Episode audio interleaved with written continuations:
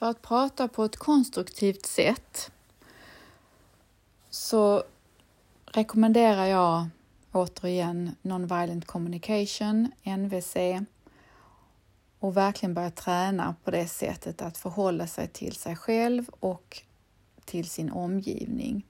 Och det finns några grundsteg som till början kan verka väldigt enkla eh, men som det inte är så himla lätt att praktisera, tycker jag i alla fall.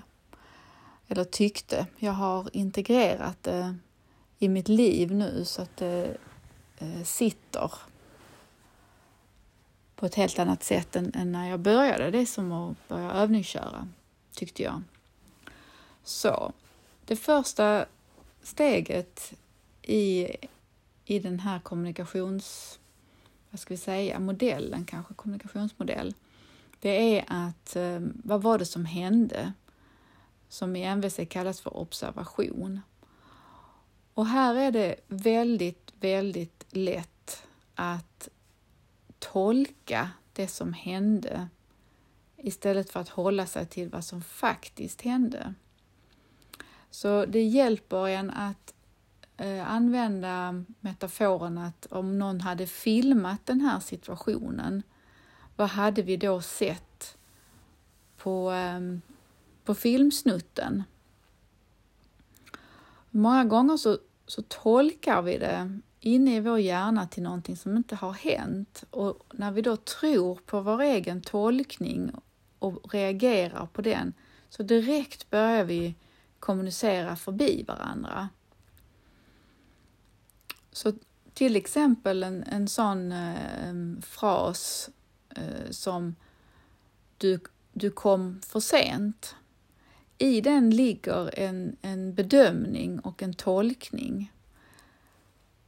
Så till exempel om mötet skulle börja klockan nio och Kalle kommer fem över nio så är det mer lättare, det är lättare för Kalle att höra om man säger mötet började klockan nio och du kom fem över nio. Det är en, en helt ren återgivning av vad som hände utan någon tolkning och utan någon bedömning av situationen. Om jag hade sagt att du kom fem minuter för sent så är det väldigt mycket lättare att Kalle går i försvar och försvarar sig varför han kom fem minuter då efter utsatt tid. Så det här är, det här är något av det svåraste i NVC, att, att på riktigt urskilja en observation. Ehm, många tror att de gör det, men det är faktiskt en, en tolkning ehm, av det. Och nästa steg är känsla. Vad är det jag känner? Och här är det att lära sig att uttrycka känslor istället för, för tankar. Så många uttrycker sig som att ehm, eh, jag känner mig övergiven. Den frasen är väldigt vanlig, tycker jag, att jag hör ofta. Och med NVC så är det att om jag tänker att jag är övergiven, det betyder ju att i den meningen så ligger det att någon annan har övergivit mig, alltså där ligger någon dold skuld. Alltså, man liksom för över skuld på någon annan. Så när jag tänker så, så hamnar jag i ett visst tillstånd och det är inte så lätt för någon annan att höra jag känner mig övergiven när du gick till exempel. Så vad man ofta känner i en sån situation så är det att jag känner mig ensam. Och det är, då är det att jag tar ansvar för vad jag upplever i den här situationen. Och då kan det vara att observationen är att eh, eh min partner eh, ska gå på bio en kväll. Och han gör det med sin kompis Stefan. Istället för då eh, göra någonting med mig som jag hade kanske önskat. Så det är lättare för min partner att, att höra att när du idag ska gå på bio med Stefan så känner jag mig ensam. Istället för att jag säger att jag känner mig övergiven. Det är bara ett, ett exempel. Och det finns eh, många sådana här ord som heter, kallas för känslotankar, eh, som är definierade på, eh, eh genom NVC och de finns också på min hemsida, en lista på dem. Och att lära sig de orden när vi liksom byter ut eh, känslor mot tankar är ett väldigt bra sätt att prata mer rent och att verkligen lära sig vad är det jag faktiskt känner, inte vad det är det jag tänker. För när jag tänker en tanke och jag tror på den, sen så är det att jag börjar agera och reagera på den. Nästa steg är behov. Och behov eh, är då till exempel eh, att jag har behov av vila, jag har behov av eh, att sällskap, jag har behov av gemenskap, jag har behov av klarhet etc. Återigen, det finns listor på detta på min hemsida www.kilian.com. Och när våra behov är mötta så betyder, har jag um, goda känslor, sköna känslor, känslor som är lätta att, att känna i mig. Och när jag har behov som inte är mötta, jag har alltså brist på någonting, jag längtar efter någonting, jag saknar någonting, då föder det känslor i mig som, som inte är så sköna att vara med. Till exempel frustration, eh, ensamhet, eh, ledsen och så vidare. Så när jag känner en känsla inne i, i min kropp som, som jag inte tycker är så behaglig att känna, då betyder det att här är ett behov som inte är mött. Och när jag får fatt i vilket behov det är så kan jag göra någonting åt det. Och det är det sista steget i den här modellen, önskemål. Att vad har jag för önskemål till mig själv eller till någon annan för att möta mitt behov som jag har? Och när det gäller önskemål så är det bra att ha olika jag brukar säga använd din hand, lika många fingrar som du har på handen. Att om jag nu behöver, ehm, vi säger att jag behöver avslappning, så en strategi för att få avslappning skulle kunna vara att ta ett glas vin. Det skulle kunna vara att eh, gå och lägga mig i soffan och vila eller kanske jag vilar genom att ta en promenad eller jag kanske vilar genom att eh, titta på någon serie. Eller jag kanske vilar genom att um, bara sätta mig på en stol och titta ut på en solnedgång. Då har jag fem alternativ på att möta mitt behov. Och om jag då ställer ett, ett önskemål till någon annan, att skulle du vilja sitta här och titta på solnedgången med mig? och den personen säger nej, jag har inte lust med det just nu, så kan jag antingen sätta mig där själv eller så kan jag göra någonting av de andra alternativen som jag har. Och då är det lättare för den andra som hör mitt önskemål att um, kunna säga sitt ärliga ja eller sitt ärliga nej till det, för den upplever inte att det finns ett krav med i bilden.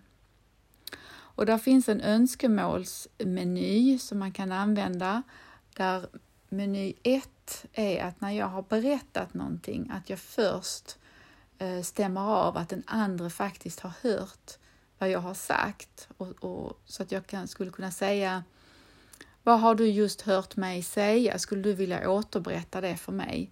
Och det handlar ju bara om att säkerställa att den andra inte har gjort några tolkningar av det jag har just sagt. Och för er som har gjort lumpen så har jag förstått att där finns eh, ett begrepp repetera. Och det är väl av just det här syftet, tänker jag. Så när man väl har säkerställt att den andra har, har hört mig så som jag, min avsikt var att bli hörd, så är eh, meny två, det är att, att eh, så vad har, hur är det för dig när du har hört mig säga detta? Att då har jag fått chansen att berätta hur det är för mig och då vill jag veta hur det här landade i den andra. Så då ger den andra sändningstid. Den andra pratar och berättar hur det är för den. Och då, nu har vi hört varandra båda två och då är meny tre att man verkligen kommer med sitt faktiska önskemål. Att skulle du vilja, eller jag skulle vilja att, eller vad det nu är. Och om man hoppar till trean för tidigt, om det inte finns kontakt i samtalet, så är risken att den andra eh, går i försvar eller motstånd eller hör kritik eller så, för man behöver först etablera kontakten i samtalet för att man ska kunna börja en konstruktiv dialog och ett konstruktivt samarbete. Så att, så att kontakten är helt central i all eh, mellanmänsklig kommunikation och, och, relaterande. Finns inte kontakten där så, ehm, så hamnar man på stol ett och, två helt enkelt i det jag pratade om tidigare. Och att man hamnar i att lyssna efter rätt och fel, dömande och, och kritiserande och så vidare. Så vill du lära dig mer om detta så finns det material på min hemsida. Det finns också boken Ett språk för livet att, ehm, att läsa som är skriven av grundaren av Nonviolent Communication, Marshall B. Rosenberg. Och ehm, vill du ha mer tips om vad du kan lära dig mer om NVC så är du välkommen att höra av dig till mig. Så fundera nu på vad, vad behöver du göra för att eh, bli mer eh, ren i din kommunikation? Eh, vad vill du börja med att, att utveckla mer hos dig? Hur har du det med din observation? Eh, versus tolkning av situationer. Hur har du det med ditt språk för att sätta ord på känslor? Blandar du ihop det med tankar? Har du ett språk för att uttrycka dina behov? Eller blandar du vanligtvis ihop det med dina strategier för vad du vill? Och hur är du på att uttrycka dina önskemål? Är du är det utan krav eller smyger det sig in krav när du berättar i vad du vill? Och kan du ta ett nej? Ett rent önskemål handlar om att, um, att liksom kunna ta ett nej. Jag vill ändå inte ha det från just dig. Jag slänger ut det och ber om att du ska ge detta till mig och vill du inte det så är det helt okej. Okay. Det är ett helt rent önskemål. Och om vi kan uttrycka oss på det här sättet så blir vi, eh, vi blir mer sakliga när vi uttrycker observationer istället för tolkningar. När vi pratar om våra känslor istället för våra tankar så blir vi mer mänskliga. Andra får ta del av hur vi har det. Och när jag kan uttrycka mina behov istället för mina eh, strategier så, så blir jag ju mer motiverande till det som behöver hända. Jag blir mer liksom drivande och att eh, jag blir mer tydlig med vad det är som jag går igång på och jag blir, förstår bättre vad du går igång på. Och eh, genom att uttrycka ett konkret önskemål så driver jag det hela framåt. Det händer någonting. Det, vi, det får en rörelse. Vi står inte fast i någonting. Om jag bara fastnar i min tolkning och min triggning av en situation och jag helt drunknar i mina känslor så, så får jag inget konstruktivt agerande utifrån den platsen. Så att använda det här gör att saker händer, det blir mer tydlighet, det blir mer trygghet, det blir mer konkret konstruktiv dialog.